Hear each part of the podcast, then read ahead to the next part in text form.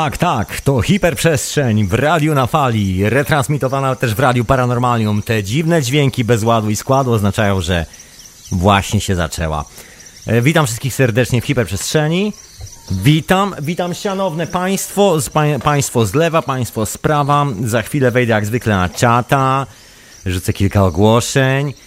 No i zapraszam do słuchania dzisiejszej hiperprzestrzeni. Chyba tak powinien powiedzieć. Hiperprzestrzeni! Muszę jakiś kosmiczny dźwięk zrobić trochę.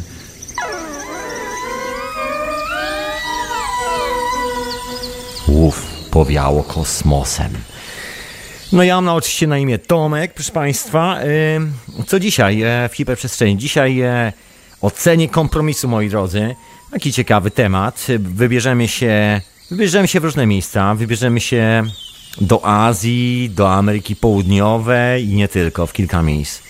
Pogrzmeramy troszkę w zabytkach i nie tylko, a później wrócimy do rzeczywistości.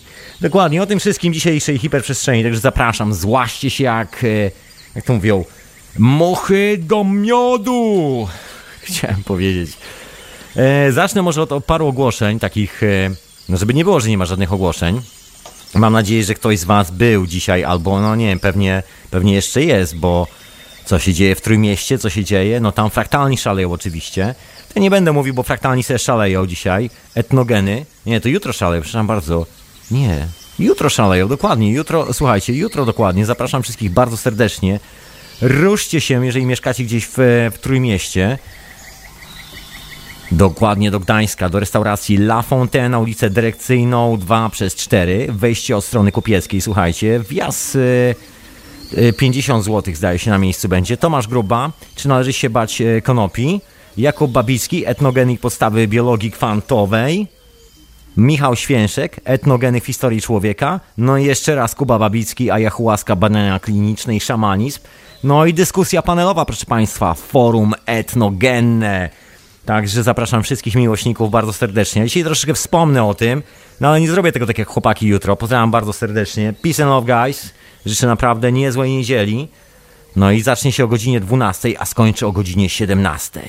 Także ruszajcie, ruszajcie do Trójmiasta. Niech kierowcy dzwonią do swoich rodzin, że widzą dziwne pielgrzymki, które zmierzają w kierunku Gdańska. A wszyscy niosą transparenty z konopiami. No, żartowałem. Żartowałem. Chociaż why not? Dokładnie.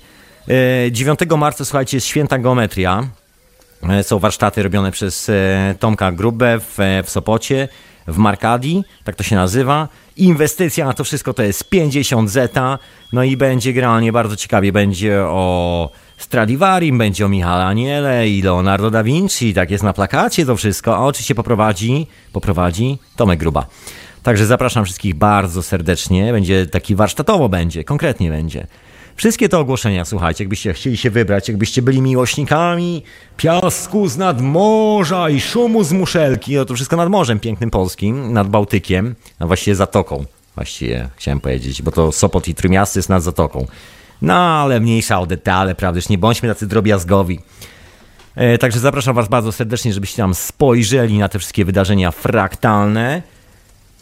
Na stronie radionafali.com jest taka zakładka fraktalna.pl fraktalna.pl fraktalna No i tam są wszystkie te informacje.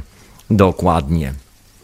E, co dzisiaj? Oczywiście chciałem wielce, wielce podziękować proszę Państwa wszelkim sponsorom, wszystkim sponsorom z poprzedniego miesiąca, bo koniec miesiąca, także idealnie się hiperprzestrzeń zbiegła, że mogę podziękować wszystkim osobiście. Magdalenie, Katarzynie, Annie, Mateusz Mariuszowi, Maciejowi, Jankowi 4HD, mocnemu Wojtkowi i panu Jackowi. Dziękuję kochani, peace and love, dzięki za wsparcie.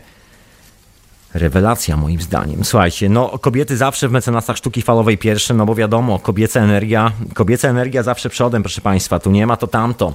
Dzisiaj troszkę będzie o kobiecej energii, no może nie za dużo, bo tak będę trochę bardziej cywilizacyjnie dryfował, no ale może się uda gdzieś tam to wszystko wcisnąć, bo to w końcu hiperprzestrzeń.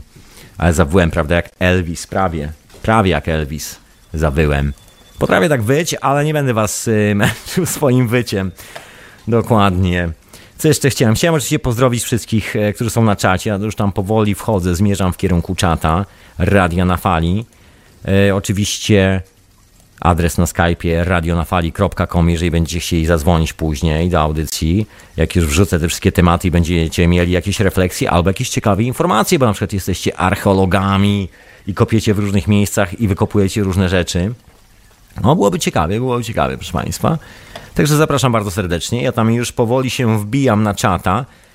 Eee, co jeszcze chciałem? Oczywiście zapraszam Was wszystkich na radiowego Facebooka, żebyście tam wpadali. Zapraszam, żebyście w ogóle wpadali na stronę Radio na Fali i jest granie e, nowe Pichontarium. No i Lee, że tak powiem, Dear Mate Lee, czyli kolega z Anglii tutaj, odpowiada na pytania w ogóle na temat, jak w ogóle, jak w ogóle wygląda troszkę życie w Anglii, daje taki trochę próbuje oddać, że tak powiem, atmosferę i robi to doskonale, słuchajcie. Naprawdę jest to, tak wygląda życie w Anglii po prostu, taka jest Anglia. Także jeżeli chcecie się dowiedzieć, jak po prostu jest w angielskim pubie, no może nie takim klasycznym angielskim pubie, to zapraszam. I nie tylko w angielskim pubie, no są takie wie, odpowiedzi na pytania, także e, no nie będę tu mówił o co chodzi, po prostu zapraszam sobie wejść i sobie samemu zobaczyć i się, że tak powiem, obściskać z tym wideo i tyle, no. Dodać do lajków, e, przekazać dalej, żeby to było popularne albo jakoś tak, postawić kawkę Pichontowi. No mi też oczywiście postawić kawkę. E, ja przy okazji dziękuję pierwszemu sponsorowi w tym miesiącu, Radia na Fali, Maciejowi. Peace and Love Man. Respect. To się nazywa. Wow. Wielce dziękuję. I e, oczywiście oprócz tego Facebooka to jest e, Twitter, gdzie tam wrzucam raz na jakiś... Ja tak nie tweetuję zbyt często, właściwie Pichont jest takim maniakiem Twittera. Ja to tam bardziej retweetuję Pichonta czasami. No, czasami coś tam wrzucę. Czasami. Ale ja to taki mało ekspresyjny jestem w taki sposób. Moja ekspresja się właściwie elegancko, e, że tak powiem, rozładowuje w radiu, także, także no nie robię za bardzo takich tweeto, tweetowanych historii. Ale staram się, słuchajcie, staram się jak mogę. Także zapraszam wszystkich serdecznie. Przez Pichonta znajdziecie tu Radio na Fali, bo Radio na Fali ma jakiś stary adres, jeden z e, ludzi, którzy pomagali w organizacji Radia na Fali wieki temu, zarejestrował e, adres Radia na Fali na Twitterze, a później generalnie kolega nas z...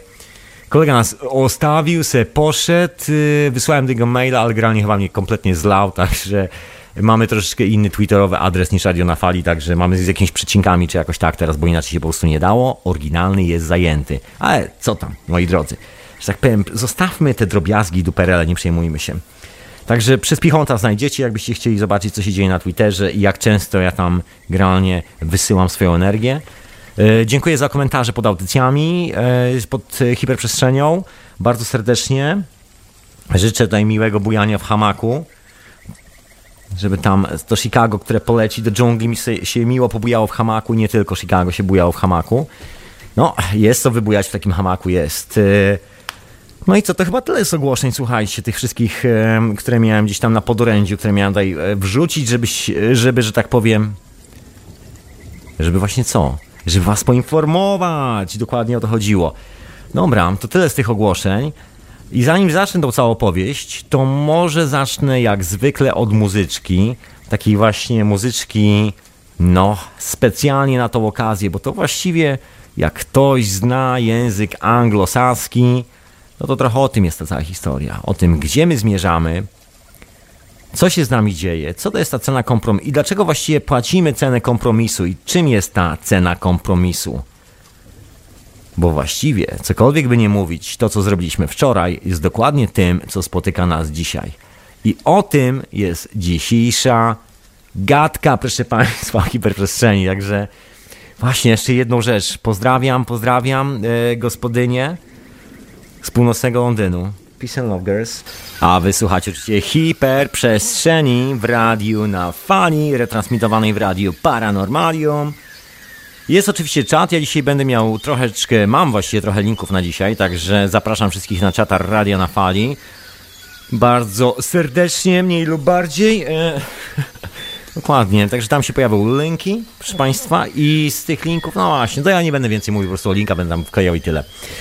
E, no a dzisiaj właśnie ocenie kompromisu, proszę Państwa, o tym, co o takim właściwie cywilizacyjnym wynalazku, który nazywa się kompromis. Jest to bardzo egzotyczny wynalazek, właściwie nie istnieje nigdzie w naturze. Jest to takie słowo wytrych, które właściwie nic nie oznacza, albo właściwie oznacza jedną wielką tragedię, mówiąc e, w bardzo wielkim skrócie. No i dzisiaj, dzisiaj powiem Wam, o co z tym wszystkim chodzi. Słuchajcie, to może, to może wróćmy troszkę do muzeum, troszkę do kurzu muzealnego, tych wszystkich e, staroci. Generalnie historia pojmowana przez nas i to, co my nazywamy właśnie przeszłością, to z czym się lubimy identyfikować, to z reguły zbroje, mury obronne, warownie, zamki, wojny, konflikty, agresja, przemoc i nienawiść. Wszystkie tego typu historie. To e, jakimś cudem się okazało, że ustawiliśmy sobie taki kompromis. Ustawiliśmy się, że to oznaczamy jako historię, że jak ktoś komuś spuścił łomot, no to jest jakiś wiekopomny moment historyczny, trzeba wziąć białą kredę i zapisać w kominie i że to coś znaczy. No, taki kompromis sobie wymyśliliśmy troszeczkę. No i żyjemy w takim szalonym świecie pełnym e, szalonych kompromisów. A jak to wyglądało kiedyś? Jak to wyglądało dawno, dawno, dawno temu? Jest takie bardzo ciekawe miejsce, o którym dawno temu chyba wspominałem w hiperprzestrzeni. Jest bardzo intrygujące. Miejsce nazywa się Karal. Znajduje się dokładnie w Peru. Znajduje się właściwie w połowie Peru, tuż na wybrzeżu. się nazywa Dolina Supe, w pobliżu miasta Supe w prowincji Baraka e, w północnym Peru. No i na początku poprzedniego stulecia, jakoś tak 905, jakoś tak, odkryto tam bardzo ciekawe zabytki. Właściwie wtedy jeszcze nie za bardzo odkryto żadnych zabytków.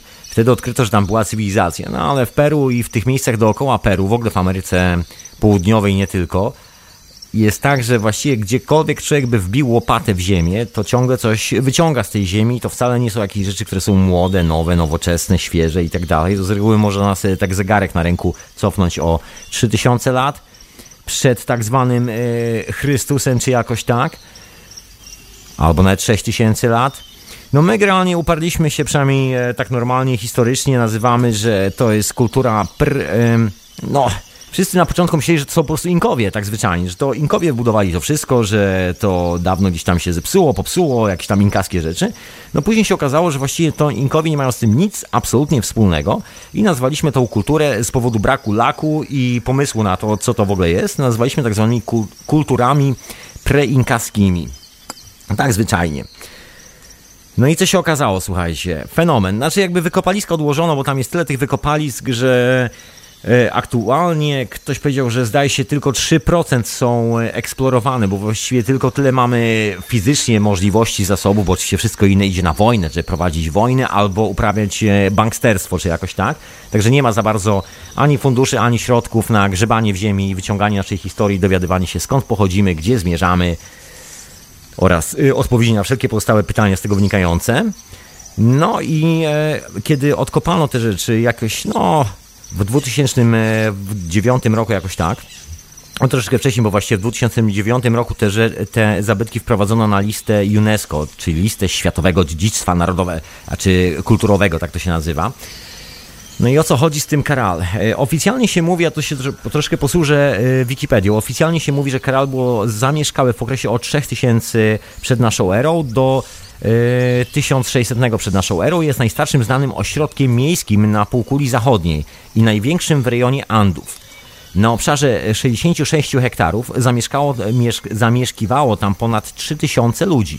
No i miasto obejmuje kompleks świątyń, amfiteatrów, pałaców, e, placów, budynków mieszkalnych, no i tak dalej, i tak dalej. To generalnie określa się, że taki główny ośrodek cywilizacyjny nazywał się Karal Supe, Supi, czy jakoś tak. Nie wiem jak wymawiać, bo to właściwie są hiszpańskojęzyczne nazwy, ja z hiszpańskiego jestem troszkę noga. El señorita, el señor, no habla español. Dokładnie, tyle mogę powiedzieć. Ale proszę mi tam e, pomachać jakimś e, mapacze, jak ktoś ma. Ja mogę do odmiany pomachać czymś innym. E, dokładnie. I wracając do tego wszystkiego, wcale tak daleko nie odszedłem, prawda? Dokładnie. Jest tam, słuchajcie, generalnie znajduje się tam, e, znajdują się najstarsze piramidy, przynajmniej określane za jedne z najstarszych piramid, które są aktualnie na świecie. Jest w okolicach 17 tych, e, tych budynków, właściwie są nawet kompleksy. To nie są, to nie są nawet budynki, tylko to są kompleksy. Niesamowicie to wygląda, jak się ogląda na zdjęciach satelitarnych. Zaraz wam podeślę linka na czata, także zapraszam wszystkich bardzo serdecznie. No gigantyczne to jest, słuchajcie. Ciągnie się to, oficjalnie się mówi, że jest to takie jedno miasto, ale właściwie z powodu e, tego, że nie prowadzi się jakichś bardzo zaawansowanych wykopalisk archeologicznych e, w tej okolicy, aż tak mocno zaawansowanych, bo nie ma po prostu na to kasy i wiele innych powodów. Ten, po prostu nie odkopano tego wszystkiego. Nie wiadomo, jak potężny jest ten kompleks, tak do końca. Odkopano tylko część tego, właśnie nie tyle odkopano, ile to, co wystawało z ziemi, to tam ogarnięto troszkę z piasku, no i stwierdzono, że okej, okay, to to jest ten kompleks. No ale jeżeli spojrzycie sobie na zdjęcia satelitarne, no i jeszcze się wybierzecie do muzeów, poszperacie troszeczkę, to się okazuje, że ta kultura, jak my ją nazywamy, e, pre, e, pre, preinkaska, właściwie nie, nie wyżyła tylko i wyłącznie tam, tylko obejmowała gigantyczny obszar, taki naprawdę bardzo potężny obszar na, na całym właściwie wybrzeżu Pacyfiku w Peru. No miejsce jest niesamowite. Jak sobie e, możecie sobie wpisać, czekajcie, nie wiem czy wam dałem właściwy link, ale zaraz tam się postaram postaram e, wrzucić. Przepraszam bardzo, jak zwykle zamieszanie. Nie, nie ma zamieszania, już mam linka. Sekundę, już wklejam, żeby wszyscy na czacie byli zadowoleni wiedzieli gdzie i o czym jest mowa. Miejsce nazywa się Karal, przez C, pisze się Caral. Dokładnie. No jest to tak gigantyczny kompleks, właściwie tam jest y, chyba najbardziej ta część, która w sumie po prostu ocalała, a jak się przyjrzy człowiek na mapę, to się okazuje, że ślady tej kultury są po prostu wszędzie. No i jak to wygląda? To wygląda gigantyczne miasto. I to miasto, które jest właściwie wielkości takich kilku miast jak Londyn. Takich kilku e, Meksyków, no potężne, potężne konstrukcje. Ciągnie się tak przez kilometry, kilometry, kilometry wzdłuż wybrzeża i ślady tej kultury są wykopywane praktycznie wszędzie. E, w Peru i nie tylko w Peru. No o tym to może troszkę później. No i jak, jaki jest fenomen tego wszystkiego? Bo słuchajcie, jest tym wszystkim niesamowita zagadka. Jest to kultura, która generalnie funkcjonowała przez parę tysięcy lat. Nikt tak naprawdę z nas nie jest w stanie jej datować i stwierdzić, jak bardzo stara jest. Wiemy, że te piramidy, które tam e, zostały, są potwornie stare. Są tak stare, że najstarsi górole nie pamiętają, jak są stare. My, to, co możemy datować, to tylko metodą e, węgla, czyli rozpadu izotopów o którym też dzisiaj troszkę wspomnę. No i te badanie, te badanie wskazuje na to, że te piramidy są tak stare, że właściwie nie wiadomo, kto to kiedy zbudował, co to za kultura, skąd to się wszystko wzięło, na czym to wszystko polega i o co tam w ogóle chodziło. Ale wiemy tylko jedno. Słuchajcie, tam nie było żadnych murów obronnych, tam nie było żadnych wojen, nie znaleziono żadnej broni, nie znaleziono żadnych artefaktów związanych z jakąkolwiek agresją, przemocą i konfliktami. I to jest największy fenomen, tego znaleziska o nazwie Karal. Jest to gigantyczny obszar zamieszkały przez ludzi przez dosłownie, przynajmniej jak na razie wygląda minimum około 3 do 4 tysięcy lat. Gigantyczną społeczność, właściwie nikt nie wie jak dużo tam, oficjalne szacunki są tylko oficjalnymi szacunkami, ale jeżeli się przyjrzymy na całą, e, na całą linię wybrzeża Peru, to się okaże, że właściwie mogło tam mieszkać w okolicach, no nie wiem, do 40 milionów ludzi na przykład. Kto to wie, jak dużo, jak mało. Inna sprawa, że są oczywiście takie przecinki w Andach, którymi można elegancko dojść do dżungli, no i tam z drugiej strony też jest cywilizacja, jak też są wykopywane bardzo dziwne artefakty, które są bardzo podobne do tego, co się znajduje w okolicach Karal. Czyli wygląda na to, że jakieś 3000 do 4000 lat e, przed naszą erą w Ameryce Południowej funkcjonowała niesamowita cywilizacja, która właściwie nie używała żadnych konfliktów, nie używała agresji do poszerzania swojego wpływu. Właściwie no nie było pojęcia po prostu wojna. Skąd to wiemy? Poza tym, że nie znajdujemy żadnej broni e, zakopanej w ziemi, nie znajdujemy żadnych zwłok odciętymi głowami i pociętymi kośćmi, które wskazują na to, że ktoś został, że tak powiem, umyślnie pozbawiony życia za pomocą kawałka twardego urządzenia. Nie ma takich rzeczy tam, absolutnie. No i nie ma murów obronnych, absolutnie nie ma, nie ma nic z tych rzeczy. Żadnych warowni, żadnych wież strażniczych, żadnych. nic z tego. Wygląda na to, że gigantyczna społeczność żyła sobie kompletnie w spokoju, bez żadnych problemów przez dosłownie tysiące lat. My o, my o swojej cywilizacji mówimy że czegoś się dorobiliśmy, że jesteśmy dumni z czegoś, że jest trwała sta i stara i tak dalej. Właściwie nasza cywilizacja nie istnieje. Jest takim, cokolwiek by nie mówić, być może ktoś się obrazi, ale jest takim pierdnięciem, że tak powiem. No, kilku wariatów, e, którzy się ganiają, pierw ganiali się z kijami, a później ganiali się z grzmiącymi kijami. Do dzisiaj się ganiają z tymi grzmiącymi kijami. I właściwie nic z tego nie ma, a historia, którą sobie zapisujemy, polega na zapisywaniu sobie, kto kogo kiedyś zlał i sprał mu dubsko tak, że tamten już w ogóle nie wstał. I tak sobie datujemy te wszystkie rzeczy. Fenomen. No i to się okazuje, że to wcale nie jest tak, że trzeba płacić jakiś specjalny kompromis, że trzeba robić jakieś dziwne rzeczy. Nagle się okazuje, że jest kultura, która funkcjonowała spokojnie, bez żadnych problemów przez tysiące lat w kompletnym pokoju. Co jest znajdowane na miejscu, bo to jest też intrygujące, oprócz tego, że nie ma tam żadnych śladów wojen i żadnej przemocy, przynajmniej my o tym nic nie wiemy, znajdowane są e, naczynia, artefakty, które bardzo dobitnie świadczą o tym, że ta kultura używała substancji psychoaktywnych. Nie używała alkoholu, przynajmniej nie znajdujemy nic, co jest, wspólne, co jest związane z jakąkolwiek formą e, popijania browaru, alkoholu, jakichś takich historii. Nic takiego nie ma, ale znajdujemy ślady po prawdopodobnie po kaktusach peyote, kaktusach San Pedro. Generalnie jest mowa o meskalinie, zapewne Gdybyśmy poszukali, to oczywiście znajdziemy jakieś pewnie ślady ayahuaski, pewnie innych rzeczy, generalnie dużo substancji psychoaktywnych i wygląda na to, że cała ta kultura była, że tak powiem, no nie wiem jak to powiedzieć, że tak powiem, sterowana czymś zupełnie innym, opierała się na czymś zupełnie innym. Nie było, e, nie było tam takiego kompromisu, że a, umówimy się i po prostu pewnych rzeczy nie będziemy robić, bo one być może komuś się nie podobają, a komuś się podobają, że tu będziemy... Nie, nic takiego nie było. Absolutnie. Oni po prostu tego używali. Jak się okazuje, ci, którzy używali substancji psychoaktywnych, nigdy nie prali się po pyskach. No to zresztą nie jest akurat żadną specjalną nowością. Ostatnie badania, jak najbardziej naukowe, prowadzone przez psychiatrów, lekarzy oraz całą masę ludzi oficjalnie nazywających się nauką, świadczą bardzo jasno i dobitnie, że użytkownicy substancji psychoaktywnych generalnie stronią od przemocy. No i ja sam jako użytkownik substancji psychoaktywnych absolutnie stronię od przemocy. Lubię sobie czasami rzucić mocnym słowem i zaznaczyć, że tak powiem, swoje miejsce, jak mi ktoś próbuje na odcisk nadepnąć, ale przecież nie będę prał kolesia. No chyba, że, no nie, no to też nie, są, są inne sposoby. Absolutnie inne sposoby. Po prostu, jak się okazuje, jeżeli kultura jest zdefiniowana czymś zupełnie innym niż alkohol, na innej używce, to problem z agresją prawdopodobnie w ogóle nie istnieje. To jest jedna rzecz. Słuchajcie, kolejna historia, bo to jest, y, to jest jedno miasto, jedno miasto, jedna taka gigantyczna kultura w Ameryce Południowej, no ale przenieśmy się do Azji. Jest takie ciekawe miejsce, które znajduje się w Jawie Zachodniej, to jest prowincja Indonezji. Słuchajcie, jeżeli wiecie, gdzie jest e, Lampagan, to jest 6 km od stacji kolejki w Lampagan. To tak, jak ktoś wie, gdzie jest Lampagan, to 6 km to jest jakaś godzinka spacerem, jakoś tak. No dobrze, żartuję sobie. To jest niedaleko miasta e, Ciao Tianjun, Tianjur, czy jakoś tak, jakaś dziwna nazwa po prostu lokalna. Generalnie, słuchajcie, mowa jest o Jawie Zachodniej. E, Gunung e, Padang, tak to się generalnie nazywa. No i co to jest? To jest taka górka, która sobie tak wystaje nad, e, nad całą resztą, jakieś tam, e, no prawie 900 metrów wysokości nad poziomem morza.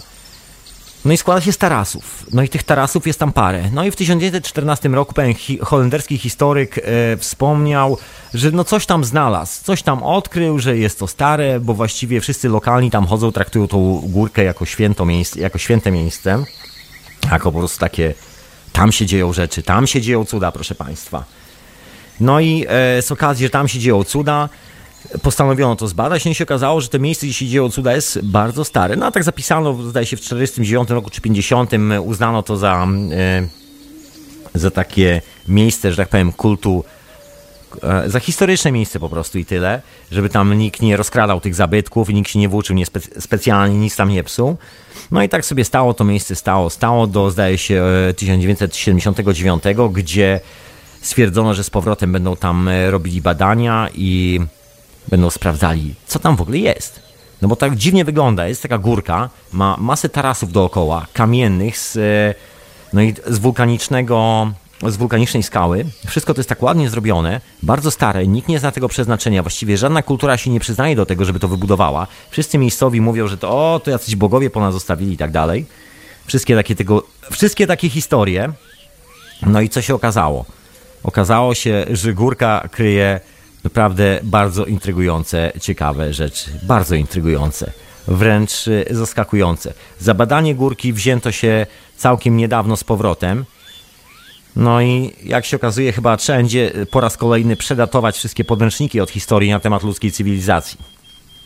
No, zanim przydatujemy wszystkie podręczniki od historii na temat ludzkiej cywilizacji, a wysłuchacie hiperprzestrzeni w radiu na fali transmitowanym w radiu Paranormaliu. Ja na imię Tomek, dzisiaj wam opowiadam troszkę no dzisiaj, dzisiaj o cenie kompromisu, jaki wszyscy płacimy, wierząc w bardzo dziwne rzeczy i bardzo dziwną historię, która prawdopodobnie nie ma nic wspólnego z tym, co się działo w rzeczywistości i skąd pochodzimy, kim jesteśmy, jak to w ogóle powinno wyglądać.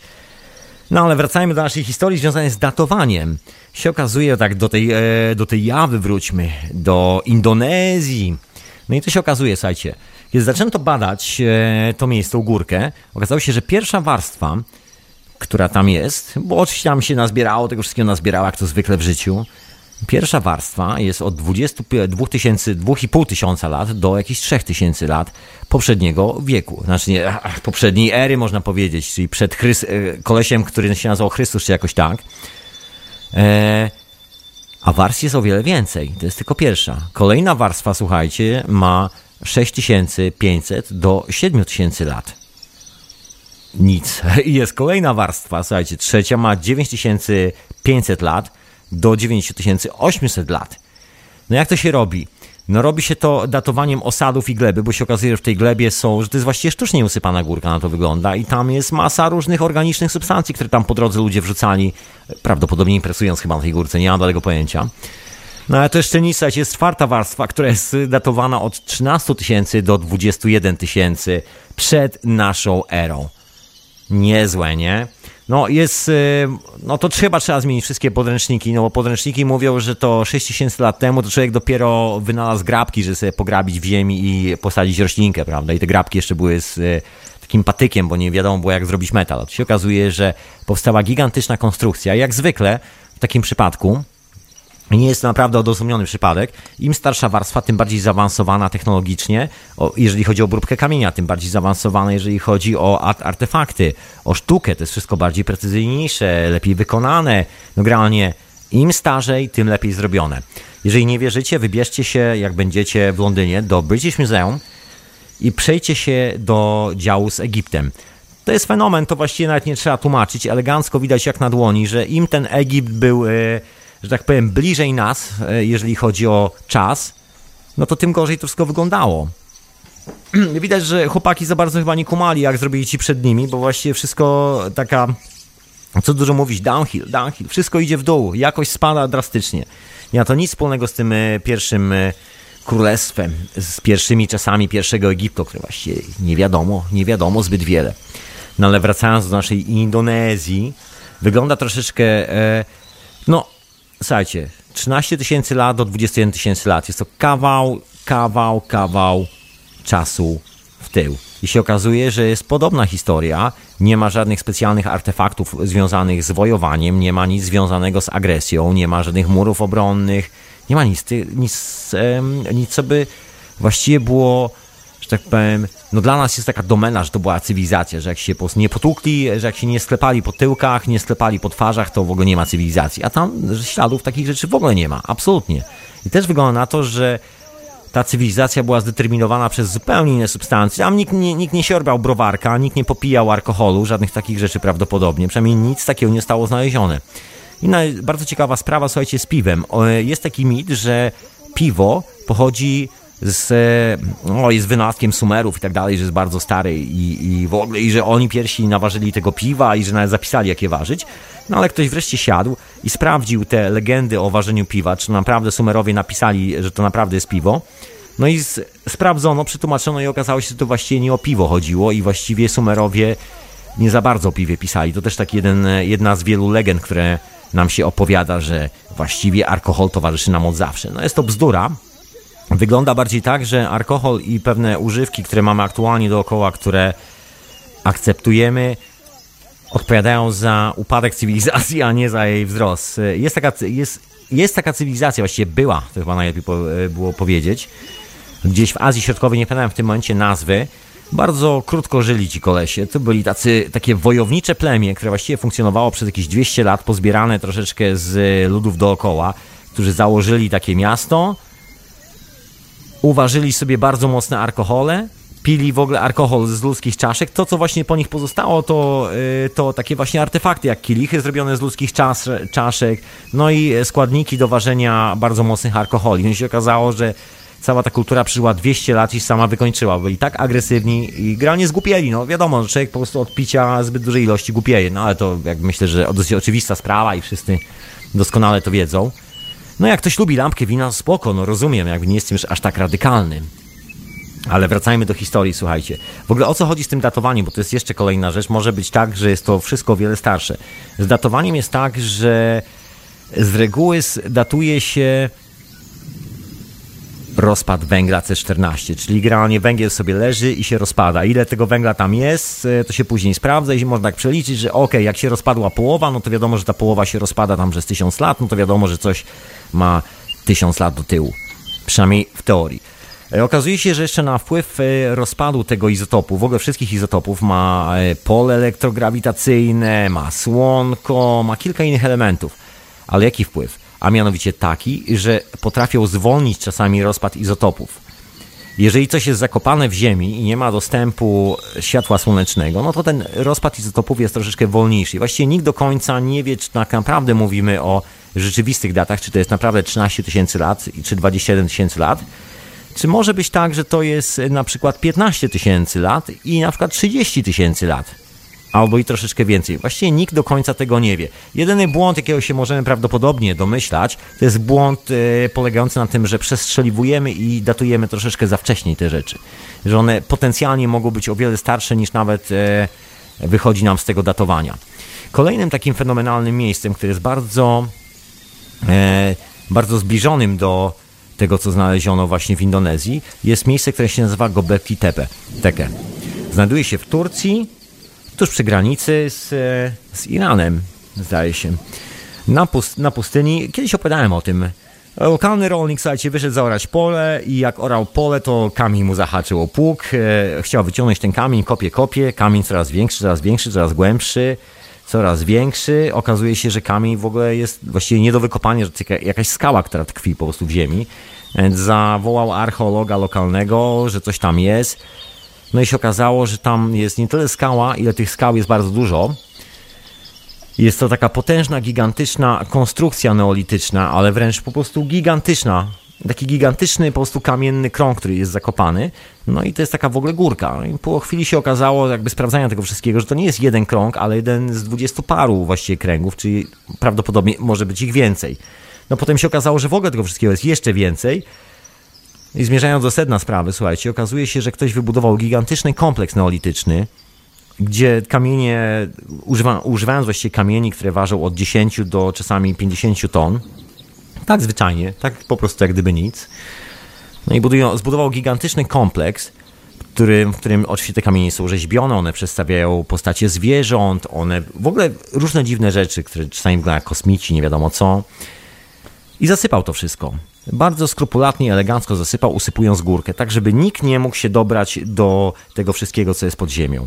Taki fenomen. Właściwie nikt nie wie, jak. E, no. E, no nikt oczywiście nie wiedział, jak, e, że tam w ogóle coś takiego jest. No i nikt się nie spodziewał za bardzo, jak to jest stare. Na początku były takie teorie, że to jest może jakaś tam kultura sprzed 2000 lat, może, może sprzed 6000 lat, jakaś postsumeryjska. No ale w końcu stwierdzono, że to się, że to się da odkopać. Odkopano, niemiecka, niemiecki archeolog zdaje się, czy jakoś tak to odkopał. Y, zaczęto w ogóle to badać i się okazało, że znaleziono kawałki kości, znaleziono kawałki ognisk przy tych kamykach. No i to wszystko się datuje na 12 tysięcy lat do tyłu, tak zwanej poprzedniej ery, czyli generalnie dodając 2000 lat, które mamy teraz, jakieś 14 tysięcy lat. No i też nie ma żadnych śladów grot, żadnych śladów siekier, żadnych mieczy, żadnych wojen, żadnych murów obronnych, nic z tych rzeczy. Właściwie takie bardziej, bardzo powiedziałbym, sielskie przedstawienia zwierzaków, bardzo różnych rzeczy. W ogóle zwierzęta, które nie żyją aktualnie, nie mieszkają w tamtej części świata, bo tam jest teraz pustynia. Takie bardzo intrygujące. Jedna rzecz, która jest szalenie intrygująca, która się pojawia właściwie w większości tych kultur, o których dzisiaj wspomniałem, i nie tylko w nich, bo to właściwie jest coś, co się pojawia praktycznie wszędzie na świecie, to jest bardzo dziwne przedstawienie, hmm, jak to nazwać, e, ciało człowieka, głowa zwierzęcia, albo odwrotnie, takie pomiksowane istoty, istoty, które właściwie nie są ludźmi, są takimi hybrydami pomiędzy zwierzakami a, e, a nami. Taki fenomen troszeczkę. I wszystkie te rzeczy, które właśnie mają tą charakterystykę, umykają datowaniu. Bardzo często są zrobione z kamienia, tak jak właśnie Gobekli Teple i właściwie nie wiadomo jak to jest stare. No wiadomo, że tam ostatni raz impreza się odbywała jakieś 14 e, tysięcy lat temu, no bo kości, które tam zostawiono, czy kawałki ogni, na to wskazują. Natomiast jak tak naprawdę bardzo stary jest ten obiekt, nikt do końca nie wie. Wiadomo, że zasypano go wtedy, żeby nikt się do niego nie, nie dokopał. No jest w tym taka bardzo ciekawa ciekawa rzecz. To trochę przypomina historię z tybetańską książ, e, księgą zmarłych, która się nazywa Bordo, która nie wiadomo z jakich przyczyn. E, właściwie nikt oficjalnie nikt nie sprecyzował, co było powodem, ale jakieś tysiąc lat temu ta księga została schowana i ta praktyka została niejako zakazana i ukryta tak żeby się nikt nie dowiedział o tym, co się dzieje z ludzką duszą po tym, e, po momencie fizycznej śmierci. Bo właściwie o tym mówi ta księga, o tym jak e, podróżujemy do kolejnego wymiaru, po tym, o tym, co się w ogóle dzieje z nami, kiedy opuszczamy ten wymiar i to ciało. No i wyobraźcie sobie, że tą księgę ktoś, e, no nie ktoś, tylko mnisi z pewnych powodów, znanych tylko sobie, ja mam pewne podejrzenia oczywiście, które tutaj dzisiaj wrzucę, e, schowali tą księgę przed światem. Ona została dopiero odkryta jakieś 100 lat temu. Do tej pory nawet buddyści, to tacy ortodoksyjni, przez ostatnie tysiąc lat nie mieli bladego pojęcia, że ich spuścizna kulturowa to księga, to tybetańska księga zmarłych. Nikt nie wiedział na ten temat nic. Ona została schowana, zakopana w kilku miejscach, w kawałkach. No i dopiero jakiś e, angielski podróżnik, archeolog, amator ją e, ponad, ponad 100 lat temu odkopał i znalazł. I ją przetłumaczył. I dopiero wtedy to wszystko wyszło na wierzch. To troszeczkę tak jak z tym e, Gobekli Tepe. E, podobnie jak z tą historią w Indonezji, która właściwie tak naprawdę została zaczęła być odgrzebywana, wykopywana i badana dopiero teraz. Dopiero teraz zaczęto robić porządne skany tego terenu, tak żeby sprawdzić, co tam się w ogóle dzieje pod, pod ziemią, jak to wygląda. No wygląda na to, że prawdopodobnie jest tam piramida pod spodem i to całkiem niezła. Taka bardzo, bardzo, bardzo stara. To podobna historia jak e, z tym miastem Karal, że właściwie to, co zostało to jest, e, to jest, sugeruje, że ta kultura była tak potężna i tak zaawansowana, no, że aż człowiekowi po prostu mowa odbiera, że jak, człowiek, że jak spojrzymy na to, co dzisiaj mamy, na te wojenki, na te machanie szabelką, na w ogóle na tą cywilizację, która, która próbuje, że tak powiem, znaleźć kompromis pomiędzy jednym a drugim, jak tu, jak tu się po ryjach, ale generalnie się dobrze czuć w tym wszystkim, to nie działa. Absolutnie nie działa. Kiedyś świat wygląda na to, że wyglądał absolutnie inaczej i to nie była taka kultura jak nasza, że właśnie tam 5 minut y, na, na skali czasu, tylko kurczę, mówimy o czymś, co funkcjonowało tysiące, tysiące lat. Nie tam jakieś 100 lat, czy 200, czy może nawet 1000, tak jak współczesna kultura. No, tak to wygląda, słuchajcie. Nie wiadomo, co z tym zrobić. Y, jedyne, co możemy zrobić, to przeciągnąć wszystko w tył. No ale y, wróćmy troszkę do, do tych niesamowitych postaci, które tam się pojawiają, bo to właściwie jest clue chyba Przynajmniej takie jest moje podejrzenie. To jest, e, to jest klucz do zrozumienia tego, o czym są te budynki troszeczkę i o tym, czym są te rzeźby i co to może nam mówić. No jest taki fenomen związany z, z transformacją osobowości człowieka. Jest to fenomen, o którym e, mówią bardzo często szamani właśnie z Ameryki Południowej. No nie tylko, bo też w Afryce się spotyka takie mity. Spotyka się takie mity na Syberii, spotyka się praktycznie w każdym miejscu, w którym funkcjonują tacy e, normalni szamani, gdzie ta tradycja jest przekazywana cały czas bez e, w miarę dużych zniekształceń. No i ta tradycja mówi, że moment, kiedy ludzka dusza transformuje, tak naprawdę transformuje, to dopiero wtedy, kiedy nabiera zdolności podróżowania. Do takiego podróżowania, że jednocześnie mamy tu swoje ciało, że możemy wyjść z tego ciała i wrócić do tego ciała. A w międzyczasie wykonać jakąś fajną wycieczkę, zobaczyć jakieś inne miejsca, czegoś się nauczyć bo inaczej po prostu nie możemy. Że musimy gdzieś pójść z siebie, zobaczyć inny świat i dopiero wtedy to nas e, transformuje, to nas zmienia i dzięki temu stajemy się pełnymi ludźmi. Przynajmniej tak mawiają szamani. No i te praktyki szamańskie, słuchajcie, mówią dokładnie o właściwie no, co tu dużo e, mówić, o opuszczeniu własnego ciała i zobaczeniu siebie troszeczkę z zewnątrz. Nie tylko siebie, bo właściwie całego świata z zewnątrz. E, ja tu jeszcze wrócę na moment do tych starożytnych rzeczy, bo e, zanim wskoczę z powrotem, zanim wskoczę do szamanów, słuchajcie, bo jest bardzo ciekawa rzecz, e, która, która znajduje się w Egipcie. Jest taki płaskowy, który, który się nazywa Nakta Playa, zdaje się, dokładnie. No tak, Nakta Playa. I tam jest najstarszy zabytek właściwie takiej kultury, jak to się mówi, neolitycznej, czyli taki kamienny krąg usypany na pustyni. Jest taki fenomen z tym, bo kiedy robiono skany, skany terenu, okazuje się, że coś jest pod spodem. Gigantyczny kamień, który wygląda troszeczkę jak byk, czy coś w tym stylu. Się okazuje, że jak się skanuje dalej, głębiej, to w ogóle tam coś jest pod ziemią. I to jest dosyć duże. Wiadomo, że samo się nie zrobiło, prawda? Musiał przyjść ktoś, podłubać, pokręcić, pomotać, po, yy, coś zrobić po prostu, żeby tam to włożyć. A znajduje się to na środku pustyni. Także ciekawa rzecz. Jest to oczywiście kamienny krąg, który jest e, jednocześnie zegarem astronomicznym. No i ten zegar astronomiczny też ma swój, swój jakiś tam rekord czasowy, który wskazuje na niebie i to też e, okazuje się jest jakieś 30 tysięcy lat. 12 tysięcy lat. To takim ekspertem od tego jest niejaki Robert Bawal, człowiek, który zrobił niesamowite badania na temat piramid w Gizie, w Egipcie. E, i udowodnił e, no, w taki bardzo prosty sposób, e, że piramidy są zorientowane bardzo precyzyjnie na pewne wydarzenia, które się dzieją na niebie. No i dzięki temu możemy datować właściwie piramidy. Przynajmniej to jest taki najbardziej jakby sensowna hipoteza do sprawdzenia tego, jak stare są te wszystkie budynki i, i kto je kiedy wybudował. Chyba tak można by to najłatwiej powiedzieć. Słuchajcie, kolejna historia. E, no i oczywiście nie zapomnijmy, że dookoła piramid też nie ma żadnych murów obronnych. Dookoła tego, tych, tego kompleksu, właśnie nie wiem czy kompleksu, czy kamieni na Nakta Playa, bo tam są jeszcze takie kurhany dookoła. No jest tego trochę. To nie, to nie jest e, jeden kamienny krąg. To się okazuje, że tego jest po prostu w cholerę. Że tak naprawdę my tylko wykopaliśmy może parę procent z tego wszystkiego, co tam się znajduje w ziemi. No ale tam nie ma żadnych murów obronnych, nie ma śladów żadnych wojen, nie ma żadnych mieczy wykopywanych, nie ma, nie, nie ma nic takiego. No tak jak te Gobekli Tepe.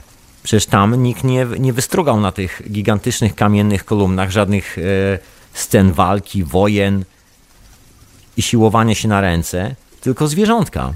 Albo dziwne istoty, które mają czasami twarze podobne do ludzi, albo mają, mają tylko korpus ludzki, a głowa jest lwa wszystkie tego typu historie, jakbyśmy no właśnie, jakbyśmy opisywali transformację jakąś e, wręcz tych szamańskich opowieści, że człowiek musi wyjść z siebie, spotkać zwierzę, wejść w to zwierzę, poznać świat od strony innej istoty żywej na tej planecie, wrócić z powrotem do siebie.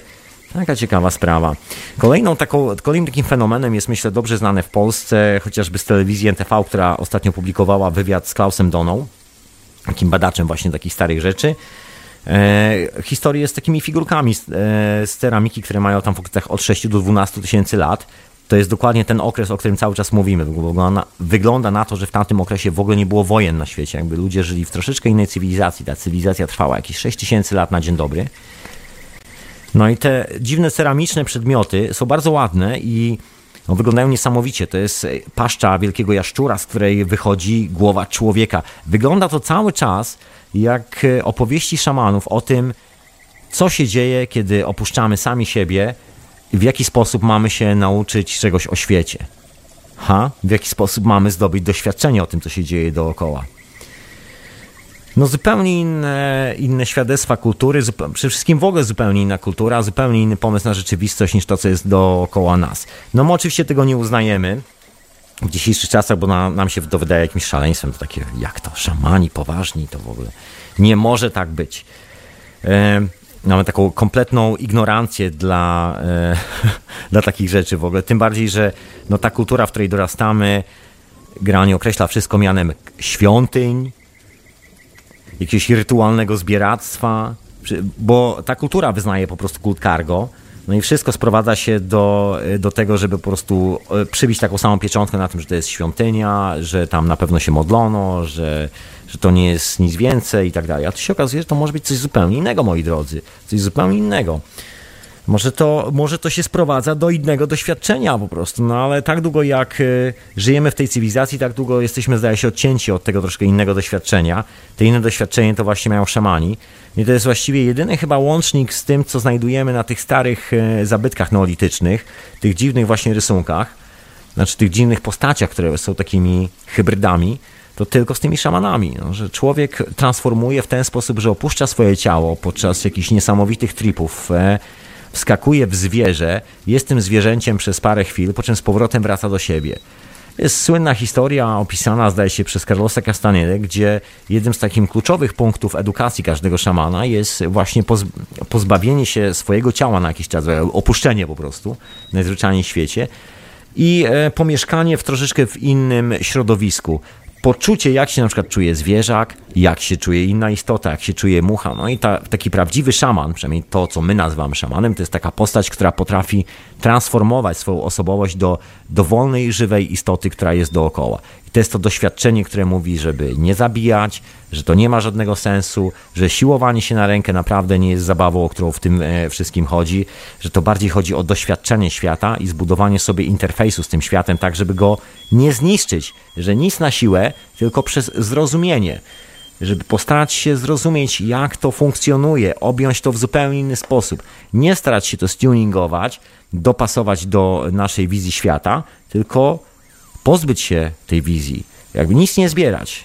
Żadnego kultu cargo, żadnego zbieractwa, żadnego kolekcjonerstwa, pozostawić to wszystko na boku, wskoczyć w coś innego i to jest właśnie sposób, w jaki się uczymy. To jest jakby kompletne przeciwieństwo tego, w czym my żyjemy aktualnie, bo my uczymy się zupełnie innej historii. Uczymy się, że właściwie musimy dopasować wszystko do naszych e, potrzeb, ale znaczy wszystko. Jakby nie chodzi o narzędzia, tylko chodzi o cały świat. No i jest pytanie, czy my tak naprawdę znamy swoje własne potrzeby aktualnie. To też jest... E, I że to wszystko, co tworzymy, ma jakikolwiek sens tym wszystkim.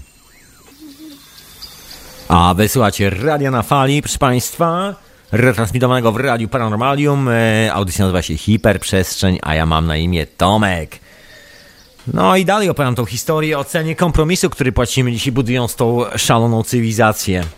O tym, jak wyglądało to dawniej, jak prawdopodobnie w ogóle to powinno to wyglądać i jak wygląda taki klasyczny model, który dotyczy nas i żywych istot na tej planecie, o którym prawdopodobnie z dziwnych powodów zapomnieliśmy i zajęliśmy się kolekcjonowaniem e, przedmiotów, zajęliśmy się wyznawaniem kultu cargo. Taki klasyczny przykład to pojawienie się jakieś 6000 lat e, przed naszą erą, e, czegoś takiego, co się nazywa, no to troszeczkę później, no może nie 6000, ale jakieś 2000 lat przed się pojawiło jak święty ogień prawda? Zaratustrianizm, no może troszkę starszy jest, ale wyznawanie właśnie kultu przedmiotów, modlenie się do góry, modlenie się do czegoś, co jest fetyszem. I to jest taka właśnie klasyczna fetyszyzacja, czyli granie, budowanie stabilności, stabilizacji, tak, żeby coś, co e, wydaje nam się jest jakąś częścią naszej duchowej spuścizny, żeby to się nigdy nie zmieniło, żeby to nigdy nie transformowało, żeby to zawsze było dokładnie takie samo. No i tak się uparliśmy na taki bardzo dziwny model, bardzo egzotyczny model, e, który zupełnie nie ma nic wspólnego z rzeczywistością. Gdzieś w naszym potocznym języku jeszcze przetrwały takie klasyczne powiedzonka typu, że nie wchodzi się dwa, nie da się po prostu dwa razy wejść do tej samej rzeki, że nie da się zrobić czegoś dwa razy tak samo, bo wszystko dookoła nas się zmienia. No, wiemy o tym doskonale, wystarczy spojrzeć na drzewo. Jeżeli zetniemy drzewo i posadzimy drugie w miejscu tego poprzedniego, to nigdy nie będzie takie samo. To jest zaleta ogrodników, którzy szaleją, przycinają drzewa i robią tak, żeby wszystkie były mniej więcej takie same, bo tak naprawdę nic w naturze nie jest e, homogeniczne, takie po prostu idealnie z pudełka, zduplikowane, tak po kolei. Nic, absolutnie. Jedyne, jedyne co jest takie zduplikowane, to jest nasza aktywność, nasze działanie. No ale my też zrobiliśmy to, jakby sfetyszyzowaliśmy wszystko, bo nie wiem, czy rozumiemy cokolwiek z tych starożytnych budowli, które są oparte na bardzo ścisłych zasadach geometrii, na bardzo solidnej matematyce. Właściwie zaczęliśmy się modlić do tych budynków z pewnych dziwnych powodów. No, trochę zwariowaliśmy, podejrzewam. Dawniej e, nikt nie nazywał tego świątyniami. Jeszcze mamy te zapisy z Egiptu, gdzie to się nazywa na przykład domem reguły, czyli domem zasady.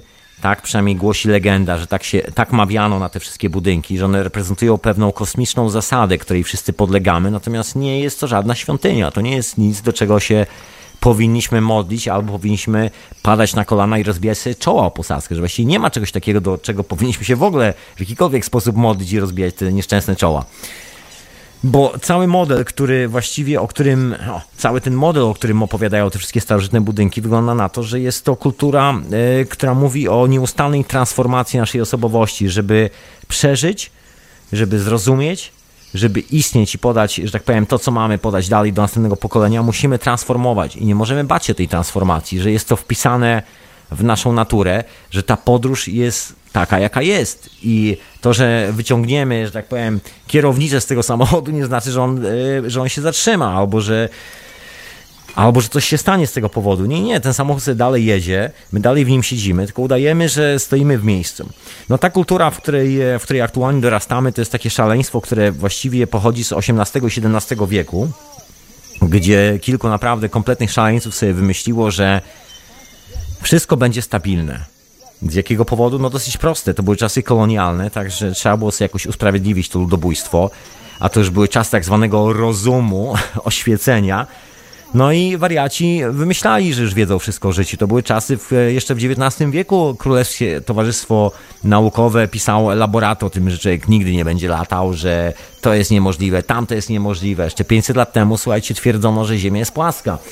E, były takie, no i ludzie naprawdę w to wierzyli, słuchajcie, można było za to naprawdę nieźle e, zostać przypieczonym na takim dużym rożnie, które się nazywało stosem, za to, że się twierdziło, że Ziemia jest inna niż płaska. Chociaż już wtedy podróżowano dookoła Ziemi, chociaż wtedy już pływały żaglowce i wiadomo było, że ten statek znika za horyzontem, że ten żagiel jest coraz mniejszy, coraz mniejszy, a jak, a jak statek przypływa do nas, to robi się coraz większy. Wiadomo, że jest to efekt po prostu pływania po kuli, no ale dla wielu było to zbyt, y, zbyt mało logiczne i no nie potrafili sobie z tym poradzić, także wymyślono coś takiego jak kompromis. Y, to, że rozumiemy świat, że znamy wszystkie zasady z jednej strony, a z drugiej strony stwierdziliśmy, że zostajemy dalej przy tym kulcie cargo i tak długo jak y, będziemy żyli, tak długo będziemy dopasowywali to, co przez zupełny przypadek uda nam się odkryć, już nie uda się zamieść pod dywan, bo po prostu już nikt nie będzie w to wierzył, no to wtedy zaakceptujemy, dorzucimy do oficjalnej nauki, ale tak ostrożnie, tak żeby przypadkiem nie wywaliło naszych wszystkich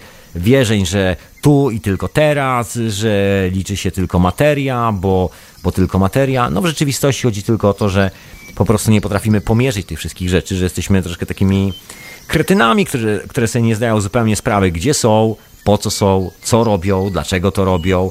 I tak się modlimy do tych wszystkich przedmiotów, do stabilizacji przede wszystkim. Właściwie nasza kultura jest kulturą stagnacji i stabilizacji, co tu dużo mówić się wszystkie te rzeczy, które mamy dookoła, służą temu, żebyśmy, y, żeby, żebyśmy się po prostu nie zmieniali. To jest taki klasyczny, e, no, klasyczna historia ze zdjęciami na ścianie. Jak człowiek sobie wiesza bardzo dużo zdjęć na ścianie, takich e, pamiątkowych i tak dalej, i tak dalej. No nie zawsze jest to oczywiście podyktowane jakimś szaleństwem wewnętrznym, ale jest to troszkę taki objaw właśnie wynikający z naszej kultury, że staramy się zatrzymać wszystko. Staramy się zatrzymać chwilę, boimy się y, upływu czasu. Stąd się biorą operacje plastyczne, wiele innych rzeczy. Skąd się bierze ta cała szalona nauka, która mówi o tym, że powinniśmy żyć wiecznie. Stąd się bierze strach przed tym, że jest coś dalej. Boimy się tego, że będziemy transformować. Ale to oczywiście nie mówię, że trzeba zdjąć teraz w tym momencie wszystkie zdjęcia ze ścian, absolutnie, bo nie o to chodzi. No ale jest, jest pewien, e, pewien limit, że tak powiem, tego, tej fetyszyzacji. Dobrze było, myślę, o tym pamiętać. Bo ta kultura właściwie nas kompletnie tego nie uczy. Ona nas wpycha właściwie w objęcia takiego szaleństwa, które nazywa się stabilizacją. I cała zabawa polega na tym, że wymyślamy coś, co, co nazwaliśmy kompromis, czyli pomiędzy tym, co da się poznać, a tym, czego nie da się poznać. Dlaczego wspominałem o tych e, wszystkich zabytkowych e, stanowiskach archeologicznych, które są datowane na jakieś kurcze, nie wiadomo jak stare cywilizacje. Bo tam jest coś, czego, e, co nam się po prostu we łbach nie mieści, przynajmniej jeżeli chodzi o cywilizację. Tam po prostu nie ma żadnych murów obronnych, słuchajcie. Nikt się nie bronił, nikt nikogo nie atakował. To jest coś, co jest kompletnie wbrew e, jakiejkolwiek teologii wyznawanej przez e, ludzi, którzy dorastają na tym modelu, można powiedzieć, XVII i XVIII wiecznym, gdzie konflikt jest jakimś rozwiązaniem, gdzie kilku wariatów, którzy nawet nie wiedzieli, że jest coś takiego jak DNA, nawet nie zdawali sobie z tego sprawy, że jest coś takiego jak Bion, nie zdawali sobie sprawy z wielu, z wielu rzeczy, ale wierzyli w Boga i myśleli, że wiedzą już wszystko.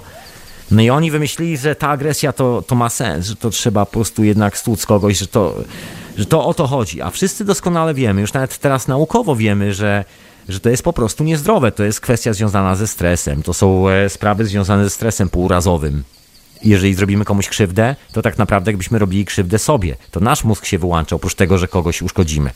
To jeszcze sami siebie de facto jeszcze lepiej uszkadzamy, bo trwale na całe życie uszkadzamy kolejne pokolenia naszych dzieci. Bo to zostaje oczywiście w nas i to przechodzi na, na kolejne pokolenia. Już wiemy o tym. No ale dawniej ten model był e, bardzo. No nikt nie chciał o tym mówić. Oczywiście, oczywiście wielu ludzi o tym wiedziało. Nie jest to jakieś specjalne nowum. Te badania naukowe właściwie tylko to potwierdzają, e, bo te teorie, właściwie pomysły już istnieją od tysięcy lat. To w wielu, e, w bardzo wielu plemionach jest, jest mowa o tym, że ileś tam pokoleń potrzeba na zmycie tak zwanych grzechów przodków i tak dalej. O czym już mówiłem w hiperprzestrzeni. Nie jest to wcale nic nowego, no ale dopiero jak y, nauka wzięła to i oficjalnie opakowała, to powoli ktoś tam zaczyna dopuszczać do siebie, że może być coś takiego, ale to też na zasadzie budowania kompromisu, że nie może odrzucić tej kultury, która jest oparta na karabinie maszynowym, na budowaniu sobie wieży, z której się strzela do wrogów, tylko, yy, no nie odrzucajmy tego, tutaj weźmy z tego połowę, z tego weźmiemy klocek, z tamtego klocek, poskładamy do kupy i będziemy udawali, że działa. To jest taka próba budowania nie wiem, zrobienia takiego posiłku, który składa się ze śledzia, lodów waniliowych, bigosu, e, wiśni i e, kawy. I to wszystko wlane do miksera, zmiksowane jeszcze, nie wiem, polane, polane czekoladą. Tego się po prostu nie da zjeść. A my generalnie staramy się zbudować cywilizację w ten sposób. I dziwimy się, czemu to nie działa. Czemu jest tak dysfunkcyjna? Co tu jest popsute? No popsute jest dosłownie wszystko w tej cywilizacji, bo zrobiliśmy taki fenomenalny myk, że po prostu sfetyszyzowaliśmy wszystko. No. Okazało się, że, że nie potrafimy rozładować tego wszystkiego. Nawet, y, na, nawet te wszystkie kanciaste budowle, które e, stoją gdzieś tam w Egipcie, nie jesteśmy w stanie ich zrozumieć. Wielu kolesi twierdzi do tej pory, że to są jakieś grobowce, że tam chowano ludzi. A powoli współczesna fizyka, no może nie jest współczesna, bo to już od czasów Tesli, troszeczkę przed Teslą mówiła o czymś takim jak rezonans, że jak chcemy uzyskać energię, to musimy wprawić coś w rezonans, ale specyficzny rezonans, bo wszystko rezonuje dookoła. To nie jest kwestia, że musimy wymyślać na nowo, bo ten rezonans już jest, tylko musimy określić jego charakter. Musimy nadać mu konkretną częstotliwość. Jeżeli wybudujemy coś z kantem, to mamy ten rezonans, bo jedna fala się odbija od jednej ściany, druga się odbija od drugiej ściany i wpadają na siebie. Taki po prostu zwykły przykład y, z pryzmatem, przez który puszczamy światło. Dokładnie tak samo działa, że pryzmat rozbija nam wszystko elegancko na piękną tęczę. Dokładnie na tej samej zasadzie. No ale oczywiście no, cena kompromisu, którą, e, którą płacimy jako cywilizacja, jako członkowie tej cywilizacji jest taka, że sami chyba przed sobą mamy taki problem, żeby się przyznać, że ktoś przed nami był mądrzejszy i że to my jesteśmy debilami, którym się wydaje, że coś wiedzą bo staramy się za wszelką cenę utrzymać swoje szalone status quo, takie, że, że żeby te przedmioty dalej były ważne, żeby to dalej, żeby te rytuały, które odprawiamy nad e, tym wszystkim dookoła nie straciły żadnego sensu. Bo okazuje się, że właściwie jesteśmy chyba jedynymi wariatami w historii ostatnich tysięcy lat na tej planecie, którzy się uparli na to, że rytuały są ważniejsze od e, sąsiada tak zwyczajnie, albo rytuały są ważniejsze od naszego dobrego samopoczucia, rytuały są ważniejsze od miłości, rytuały są ważniejsze od wszystkiego po prostu, bo rytuał jest najważniejszy. I przedmiot. No i to jest kolejna konsekwencja tego zjawiska. Zrytualizowaliśmy sobie przedmioty, także teraz to już w ogóle wszyscy się głównie modlimy do przedmiotów. No i z tej okazji potrafimy wypuścić wielkie buldożery na dżunglę. I nie tylko, bo dżungla jest daleko. Oczywiście łatwo sobie powiedzieć o dżungli, że ratować dżunglę, bo brzmi egzotycznie i każdy chce się podpisać pod tym, bo to takie ładne. Ale wystarczy rzucić kamieniem bardzo blisko. Okazuje się, że budujemy sobie szyby takie do frakowania ropy. W czasach, gdzie możemy wyprodukować dowolną ilość energii y, z urządzeń, które produkują w cudzysłowie wolną energię, to my wbijamy jakieś urządzenie w ziemię, wstrzykujemy tam y, chemikalia, no i wyciągamy ropę z, tego, z tej dziury z drugiej strony. Tylko, że problem polega na tym, że te chemikalia zostają dalej w tej, e, w tej wodzie i zostają dalej w tej glebie i one się rozłażą jak zaraza. No i efekt jest taki, że jako istota żywa, która potrzebuje wody do życia, mamy taki dosyć poważny problem, bo wymyśliliśmy technologię, która pozbawiła nas elementarnej rzeczy, czyli wody. A człowiek składa się w ogóle w 70 do 80% z wody. W ogóle ludzki mózg jest w 90% praktycznie wodą, a reszta to taka galareta w tej wodzie. No i e, płacąc cenę kompromisu, żeby ten nasza, ta nasza fetyszyzacja z kulturą cały czas działała, żeby nasza kultura działała, żeby, żeby był kompro- My wierzymy w to, że są stare cywilizacje, że można pokojowo, że nie trzeba na siłę i tak dalej, ale, ale może jutro, może zacznijmy od jutra. To jest taki mit e, cywilizacyjny. No i efekt jest taki, że właśnie zatruwamy sobie źródła źródła wody, z której się składamy. To taki fenomen. To równie dobrze każdy z nas mógłby się rozpędzić na dachu takiego dwupiętrowca i se skakać tak na betonową e, posadzkę. No część by przeżyła, część by sobie połamała nogi, część połamałaby sobie ręce, część może skręciła kark, no.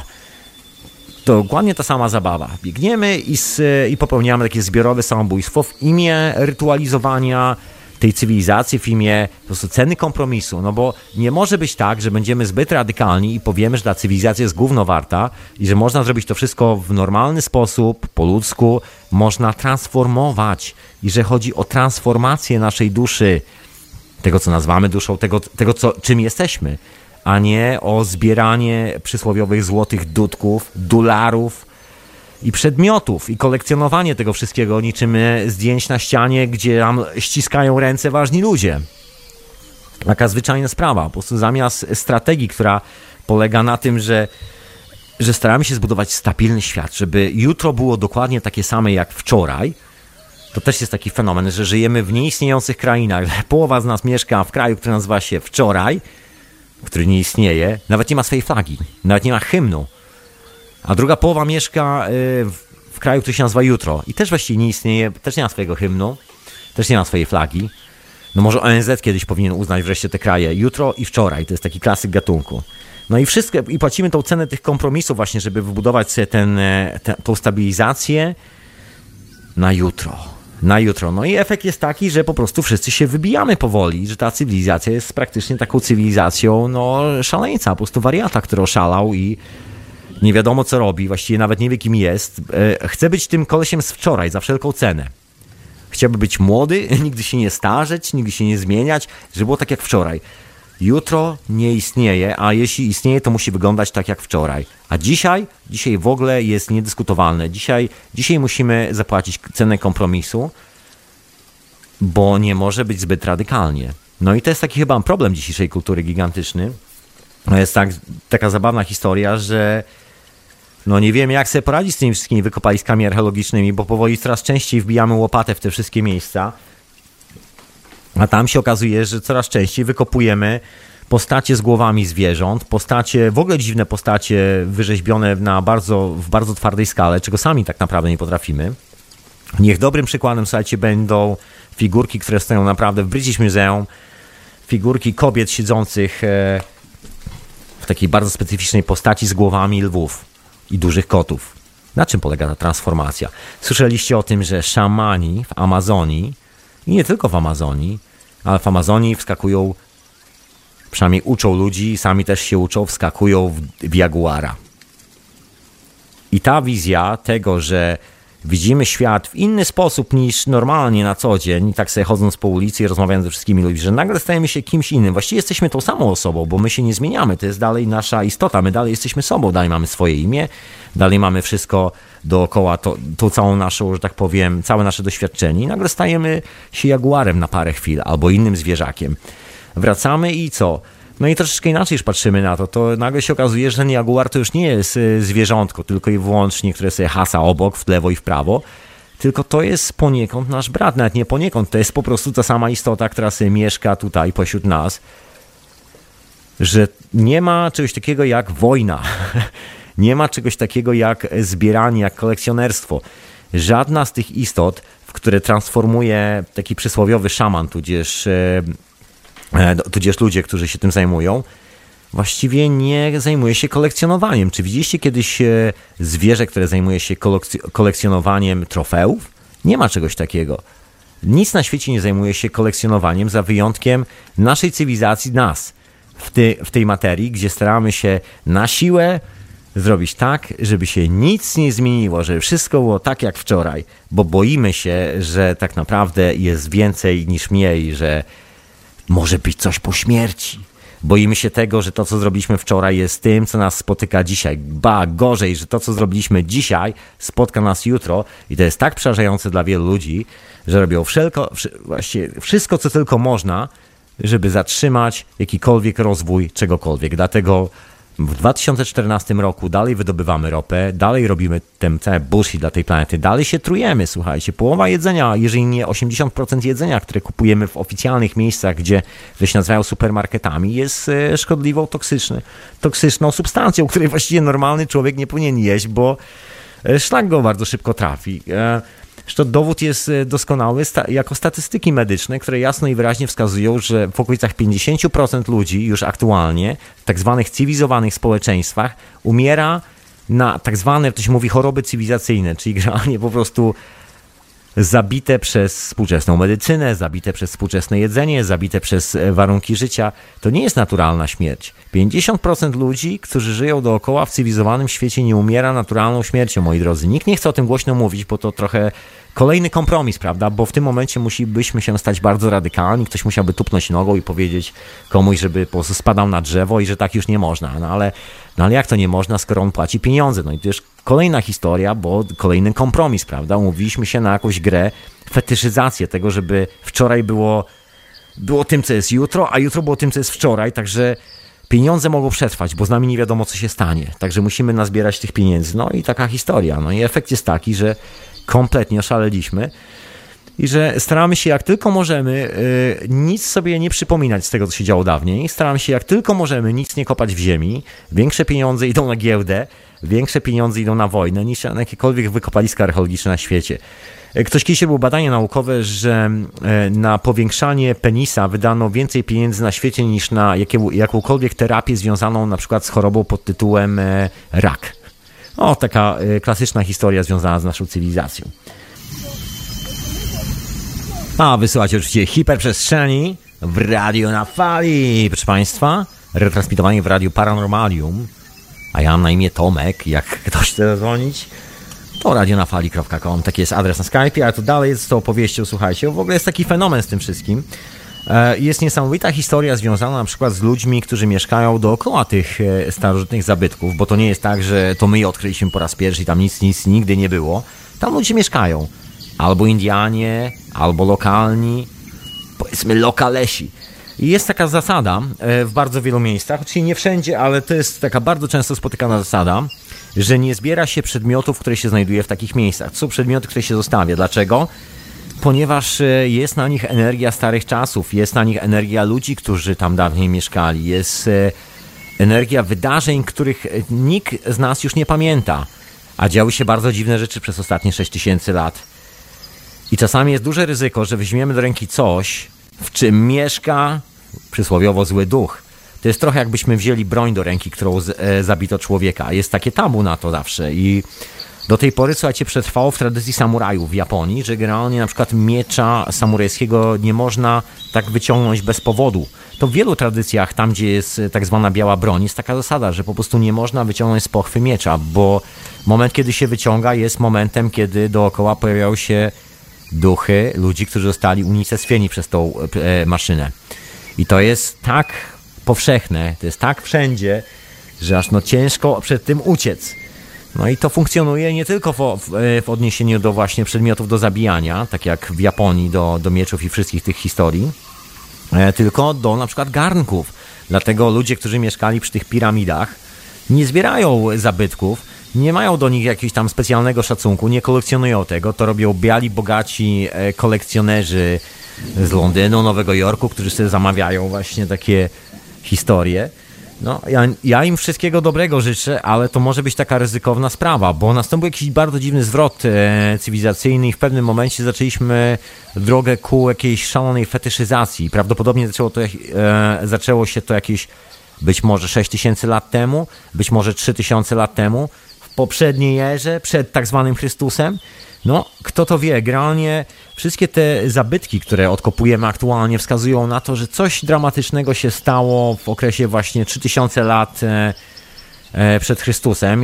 Stało się coś na tyle strasznego, że wielu ludzi postanowiło zakopać wszelkie dowody transformacji tego, czym jest nasza natura, kim tak naprawdę jesteśmy i dokąd zmierzamy i w jaki sposób, żeby to schować i żeby nikt tego nie zniszczył.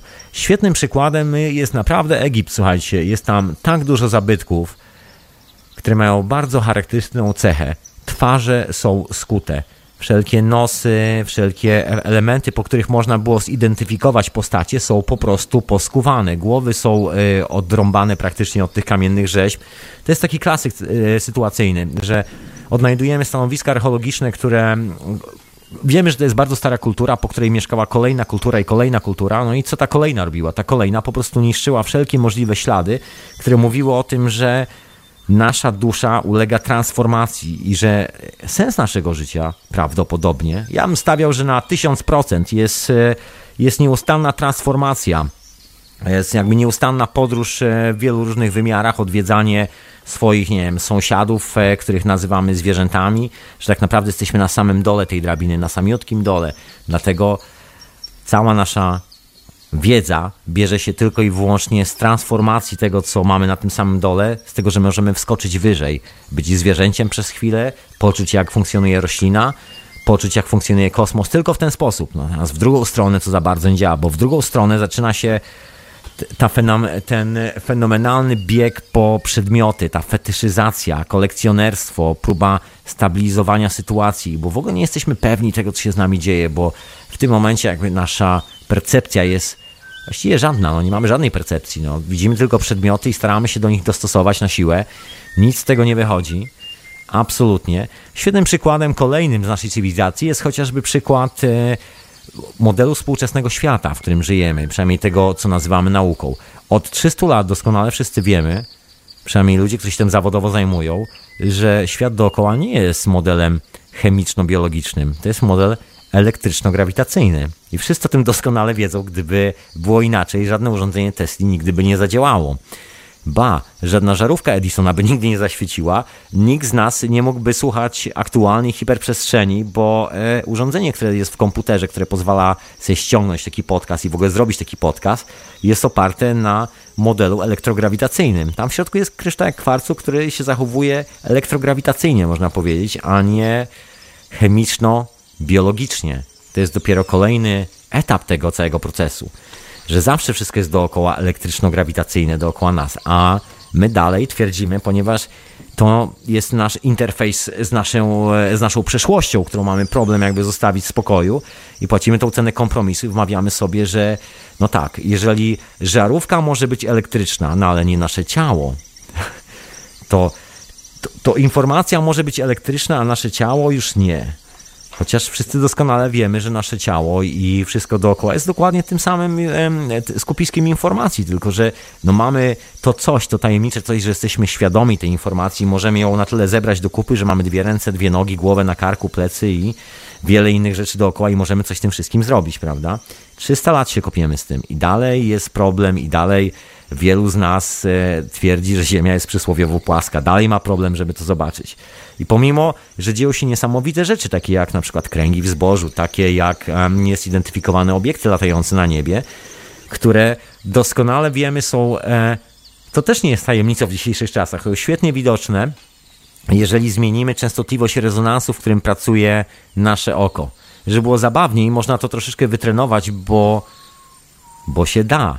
I czasami kątem oka widzimy dziwne rzeczy, takie zakłócenia, i to nie jest wcale jakieś takie czary mary, bo się okazuje, że praktycznie jeżeli weźmiemy urządzenia, bardzo czułe urządzenia do pomiaru e, pola elektrograwitacyjnego, to dzieją się dziwne rzeczy dookoła, których tak zwany oficjalny model w ogóle nie akceptuje. No ale to jest ta cena kompromisu, że nie możemy tego zaakceptować, że musimy się sami okłamywać, musimy się programować tylko po to, żeby, żeby jutro było takie jak wczoraj, a dzisiaj nie ma, a dzisiaj nie ma. I to jest to szaleństwo, którym wszyscy się poddajemy. Dlatego dalej twierdzimy, że jesteśmy jedyni na świecie, że szczepionka coś pomaga, że no, wiele rzeczy twierdzimy, że cywilizacja zaczęła się 6000 lat temu i że piramidy zbudowano yy, klepiąc kawałkiem miedzi yy, w kawałek granitu. No, to też taki fenomen cywilizacyjny. I wszyscy się na to tak ustawili i tak zahipnotyzowali, że dokładnie w to absolutnie wierzą, jakby nie ma z tym żadnego problemu. Czy to jest kompromis? To jest kompromis. Bo nie może być tak, że przestaniemy wierzyć w to, co wymyślili nasi przodkowie, prawda? No nikt nie chce się, że tak powiem, za bardzo oficjalnie podrapać po głowie do tego XVIII-XVII wieku, do czasów e, debili, którzy no chyba rozumieli doskonale, że robią krzywdę. Robią bardzo poważną krzywdę i sobie, i innym ludziom dookoła i starają się tylko i wyłącznie tą krzywdę jakoś przykryć jakimś e, elegancko wyglądającym dywanem, tak żeby nic pod tego dywanu nie wystawało i tym dywanem była logika tak zwana, tudzież nauka, jak to zwał, to co dzisiaj właściwie się nazywa nauką i jakby konsekwencje tego szaleństwa płacimy do dzisiaj, bo ciągle płacimy tą cenę kompromisu. I dalej nie chcemy zrozumieć, że to, co zrobiliśmy wczoraj, jest tym, co spotka nas dzisiaj. Dalej mamy z tym problem bardzo poważny jako cywilizacja. I dalej zajmujemy się produkcją karabinów, chociaż doskonale wszyscy wiemy, że to nie działa, że człowiek, który używa karabinu, generalnie wpada w gigantyczną pułapkę, bo on może zabije kogoś, zrobi komuś krzywdę, ale automatycznie wykańcza sam siebie. Zwykły stres pourazowy, który potrafi bardzo szybko doprowadzić człowieka do sytuacji, kiedy stanie na bardzo dużym, e, du, dużej wysokości, na bardzo wysokim wieżowcu i skacze w dół, bo nie potrafi sobie poradzić ze sobą. Klasyczna sprawa. Klasyczna sprawa, proszę Państwa. No, tak jak z tymi obiektami latającymi. No mamy przecież wszystko, wykresy z radarów, mamy raporty pilotów e, wojskowych, mamy raporty pilotów cywilnych, ma, mamy wszystko. Słuchajcie, nie ma niczego, czego by brakowało. I dalej się zastanawiamy, czy to prawda. Czy naprawdę tak jest? O co w tym chodzi? Największy fenomen dla mnie to oczywiście figurki, które wykopujemy sprzed e, tysięcy lat, które mają głowy zwierząt i opisy, że to są bogowie, że się modlimy do bogów, że to były jakieś figurki bóz, do których oddawano no man, no come on ludzie, przecież to jest po prostu kompletne szaleństwo. No ale to szaleństwo wynika właśnie z ceny kompromisu, że nikt, kto zajmuje się kolekcjonowaniem pieniędzy, kolekcjonowaniem fetyszów, symboli religijnych, bzdur po przodkach, którzy byli równie szaleni, a może nawet jeszcze bardziej niż my, niż my aktualnie, no nikt nie chciałby, żeby jego świat runął bo wszyscy chcą zachować szalony status quo. No to tak jak z tymi historiami związanymi z tak zwaną Arką Przymierza, prawda? My to nazywamy Arką Przymierza, a prawdopodobnie chodzi o urządzenia, które produkowały niesamowitą ilość energii. I są resztki tych prawdopodobnie urządzeń w Egipcie. Są takie gigantyczne sarkofagi. Oczywiście oficjalnie mówi się, że nie są to sarko, że, że to są, e, że to były po prostu na zmarłych ludzi, że specjalnie wyrzeźbili, żeby królowie Egiptu mieli gdzie, gdzie spocząć. No, szaleństwo. Nikt tych królów Egiptu nie widział na oczy, nikt nawet ich nie zapisał. To w ogóle nie istnieje taka fantazja naukowa. No, myślę, że Egipt jest w ogóle takim klasycznym przykładem e, fantastycznej fantazji naukowej, w której żyjemy.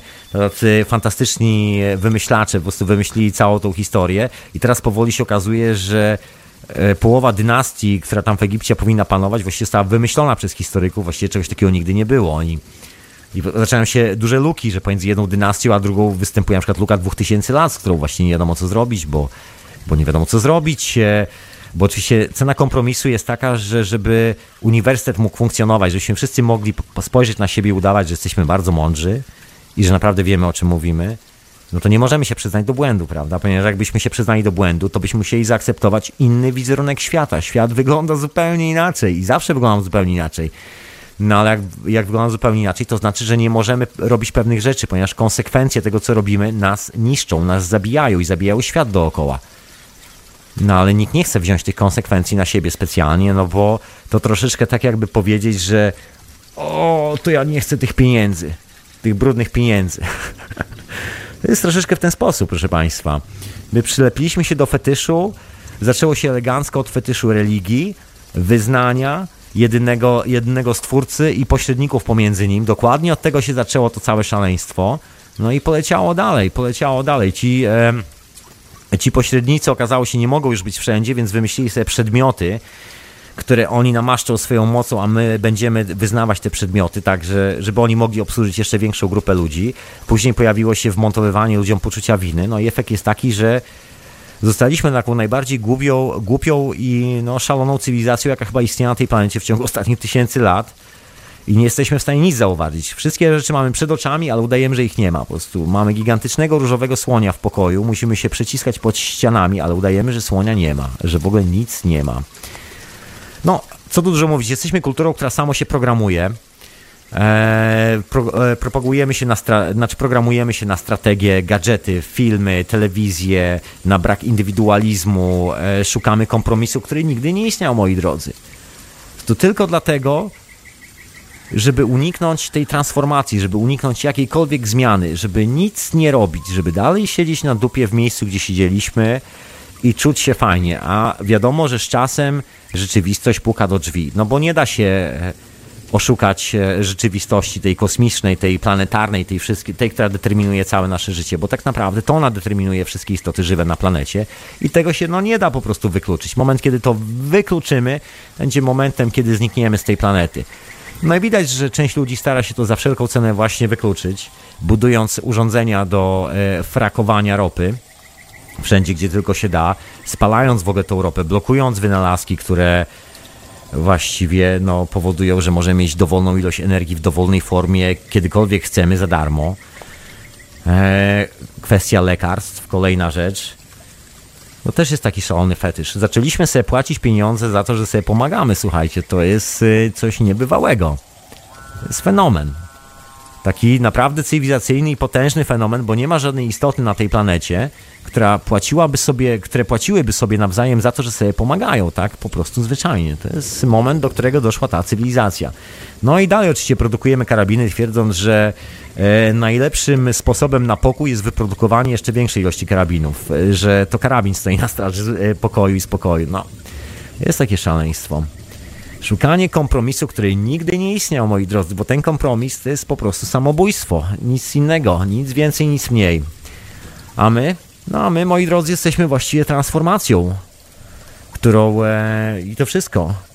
No i oswajanie tej transformacji jest troszeczkę jak oswajanie dzikiego konia. Właśnie nigdy nam się chyba nie uda oswoić. Inne pytanie, że właśnie po co oswajać transformację? Właśnie po co, po co to robimy?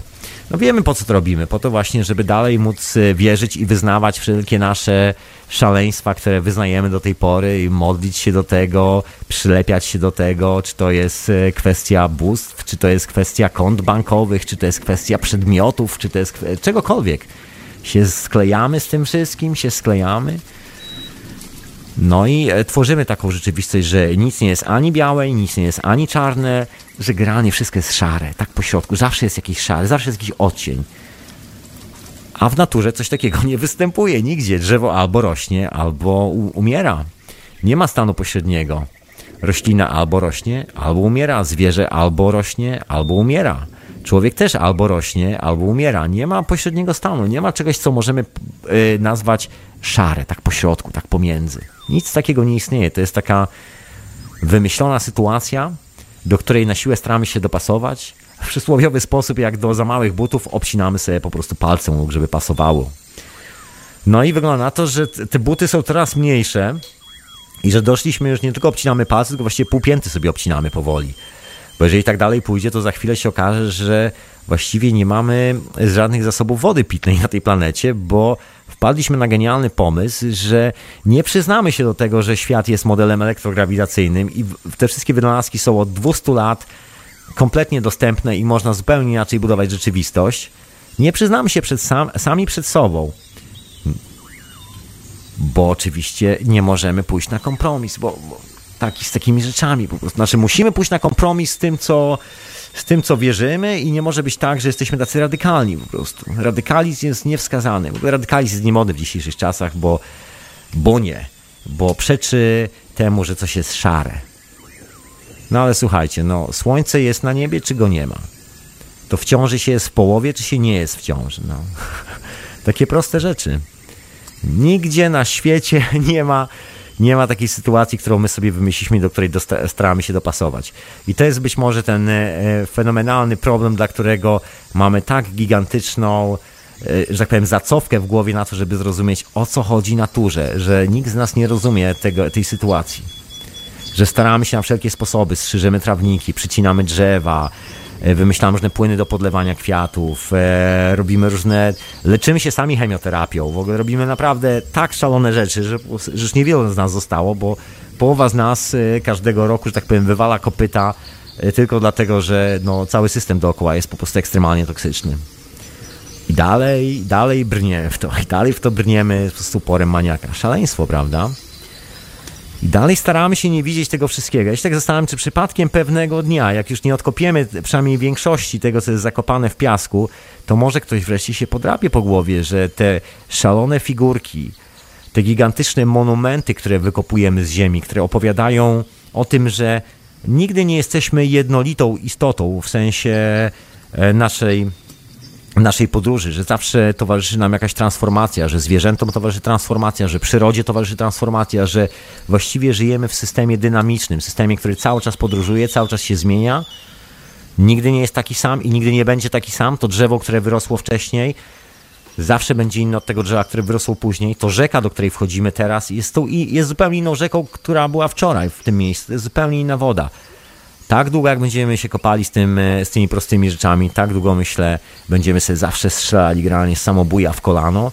No i wygląda na to, że z bardzo skutecznego samobuja, bo aktualnie zaczęliśmy się naprawdę bardzo mocno programować. Programujemy się telewizją, gazetami, wszystkimi tymi rzeczami dookoła. I to bardzo, bardzo skutecznie. Nie potrafimy już powoli wyskoczyć poza e, jakiś szalony paradygmat, który sobie ustawiliśmy jako świętą istotę, cokolwiek, jakkolwiek to nazwiemy. Dla niektórych będzie to konto w banku, dla niektórych będzie to przedmiot, dla innego będzie to zdjęcie z prezydentem, dla kolejnego będzie to e, chodzenie e, i wyznawanie jakiejś sekty i unikanie własnych doświadczeń. Generalnie właściwie sprowadza się do tej właśnie prostej rzeczy, która się opiera na indywidualności, do unikania własnych doświadczeń, do zerowania tego dyskomfortu, który bierze się stąd, że możemy nagle zrozumieć, że to, co robiliśmy do tej pory, nie jest koniecznie tym, co właściwie jest w naszej domenie, co leży w naszej naturze.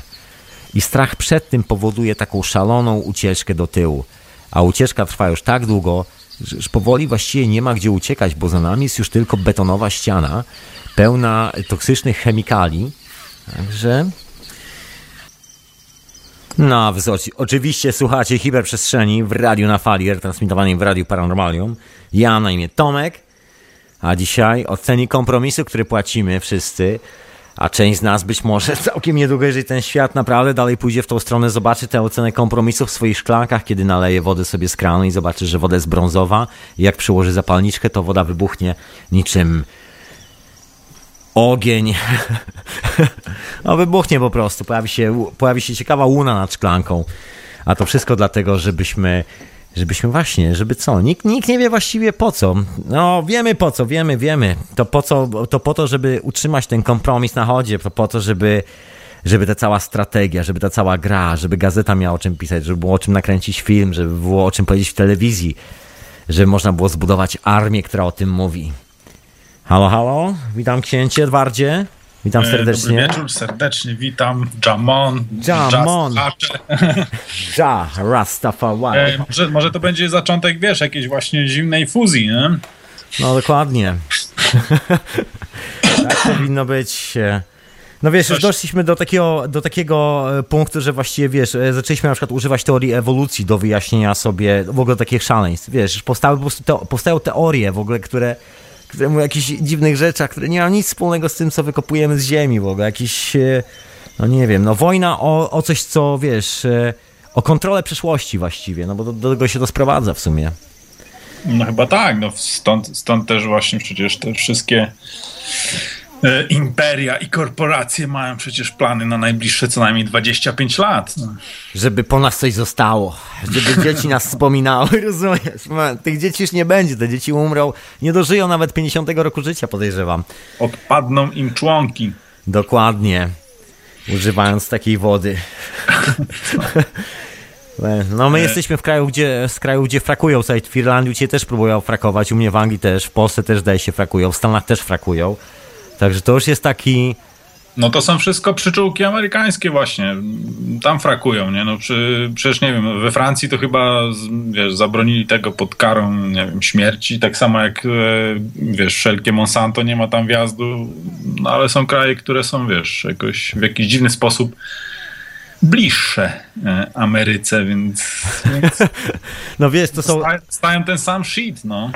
Słuchaj, to jest, y, to są chyba najbardziej religijne kraje, takie religii e, wierzące, wiesz, jakby, no nie chcę jej nazwać, bo ta religia zawsze ma swoją inną nazwę w różnych miejscach. No tak, tak, ale to jest taka dziwna, dziwna właśnie zbieżność, że te, że te wszystkie właśnie takie ultra skrajne, nie wiem, e, ugrupowania właśnie, nie wiem, wiesz, jakoś podszywają się pod te, pod te wartości religijne i tak dalej.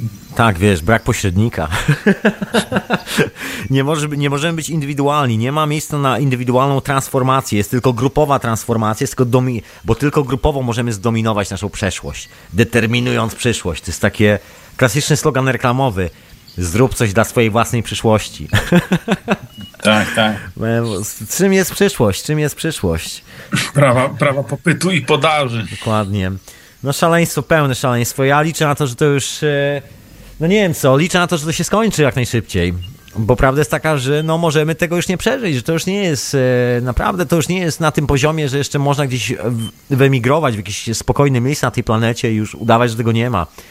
Wszyscy dawniej myśleliśmy, że tylko w dżungli amazońskiej wycinają lasy i że tylko tam jest e, syf i że e, tak sobie zasłonimy oko od lewej strony i spojrzymy w prawo by, nie, nie, tego nie widać, zapomnij, nie mówmy o tym. A się okazuje, że na twoim własnym podwórku nagle masz gigantyczny szyb, który ci ładuje chemię do wody no i później jest problem, bo właściwie nawet jak będziesz chciał uprać w tym swoje gacie, to że tak powiem ci ze, zeżre gacie ta woda, będzie miała taką chemię w sobie. E, Wiesz co, e, taka ciekawostka gdzieś, gdzieś mi mignął e, na lotnisku, na, na jakimś telebimie fragment z jakiegoś programu, w którym rybacy e, który gdzieś tam, wiesz, po prostu zbiorniki z gazem musztardowym generalnie zaczęły przeciekać i wiesz... I Bałtyk. Pojawiają się rybacy, którzy, nie, nie, nie, to był gdzieś jakiś, e, to Morze Śródziemne chyba. Okej. Nie tak wyglądali kolesie przynajmniej. Eee, wiesz, no i mieli dokładnie, wiesz, jakieś takie objawy jak po kontakcie z gazem musztardowym i pomału, pomału ten nasz, wiesz, pomału ta kupa, którą zrobiliśmy zaczyna spadać nam na głowę. No. No nie ma innego wyboru. Jest jeszcze z Bałtyku cała historia z tymi wszystkimi gazami, które tam sobie parkują. Nikt oczywiście nie chce tego wyciągnąć stamtąd, bo się nie opłaca, bo współczesna gra jest, wiesz, no y, kompromis po prostu, wiesz. Musimy zapłacić cenę kompromisu. Nie możemy że- być zbyt radykalni. Radykalizm jest niebezpieczny. no nie, nie, nie. Stracimy E, kontrolę. woda z Fukushimy też podobno, no już w Kanadzie mówią, że dotarła. Dotarło. St- Stężenie jest e, dwa, tydzień temu dosłownie był news, taki insight e, od e, kolesi z firmy Sepco, którzy tam e, zajmują się czyszczeniem. Prostu nie wiem, co można czyścić, jeżeli chodzi o substancje radioaktywne. Czyszczą, czyszczą zbiorniki z wody, z ciężkiej wody czyszczą. Tak, to chyba to można wyczyścić jedynie. No i się okazało, że jak dawniej mówi, że to stężenie jest e, 50, 50-krotnie duże, tak to się okazało, że właściwie jest tak 100-krotnie. Znaczy, To nie 50, ale 100 razy więcej niż dopuszczalna norma, ale wie, jakoś to Czekam będzie. na Godzillę, czekam na Godzillę. Jest e, planowany nowy film, widziałem trailer. Tak? Tak, tak, to jest też e, fenomen, wiesz, że jest na film o Godzilli. właśnie to jest ciekawe, ale zdaje się, że te właśnie te wszystkie filmy to jest taka forma, współczesna forma takiej pseudoedukacji mas. A wiesz co, ja myślę, że to jest taka self-hypnosis. Znaczy nawet nie, nie, nie edukacji, bo edukacja to jest chyba pozytywne zjawisko. Tak, e, e, Programowania po prostu takiego. Hipnoza, taka po prostu hipnoza. Wszyscy wymyślili sobie, że są fajni, kolorowi, że mają fajne gadżety i nakręcili o tym film. I oglądamy film o sobie cały czas. O takich o sobie z wczoraj. I chcemy być tacy jak my z wczoraj, chcemy być e, jutro, ale jeszcze lepsi, jeszcze ładniejsi. To jest fenomen.